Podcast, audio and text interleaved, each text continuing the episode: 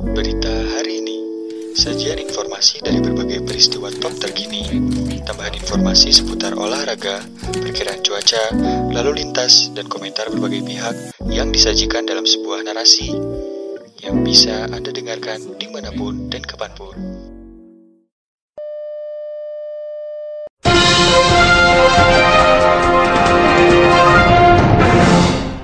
Pemirsa berita hari ini datang dari dunia nasional. Kasus positif virus corona atau COVID-19 bertambah 5.702 pada hari ini Selasa 13 April 2021. Dengan demikian total telah ada 1.577.526 kasus positif COVID-19 di Indonesia sejak pertama kali diumumkan pada awal Maret 2020 lalu. Berdasarkan data Satgas Penanganan COVID-19 dari jumlah tersebut sebanyak 1.426.145 di antaranya telah sembuh. Kemudian dari jumlah kasus positif yang tercatat sebanyak 42.782 di antaranya telah meninggal dunia. Pasien meninggal dunia usai terinfeksi COVID-19 bertambah 126 dari hari sebelumnya. Sementara kasus aktif tercatat sebanyak 108.599 dan pemeriksaan spesimen sebanyak 77.502 22 dengan suspek 58.450.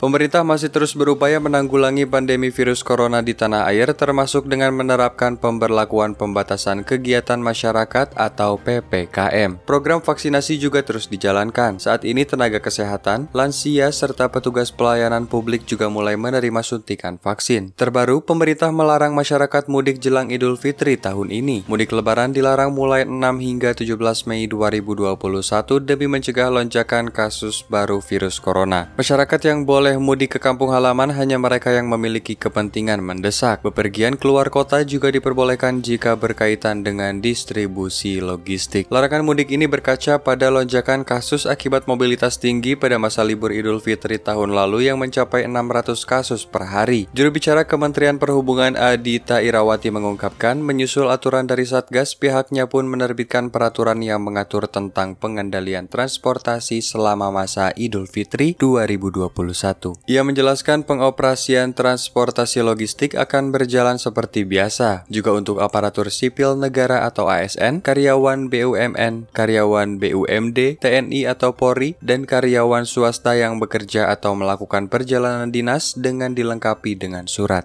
Pemirsa itulah berita hari ini mengenai hari pertama Ramadan total positif corona ada 1.577.526.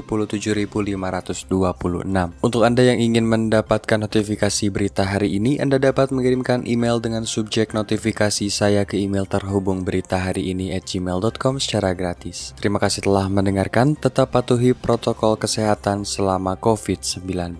Saya Zaid pamit undur diri, sampai jumpa di berita-berita berikutnya.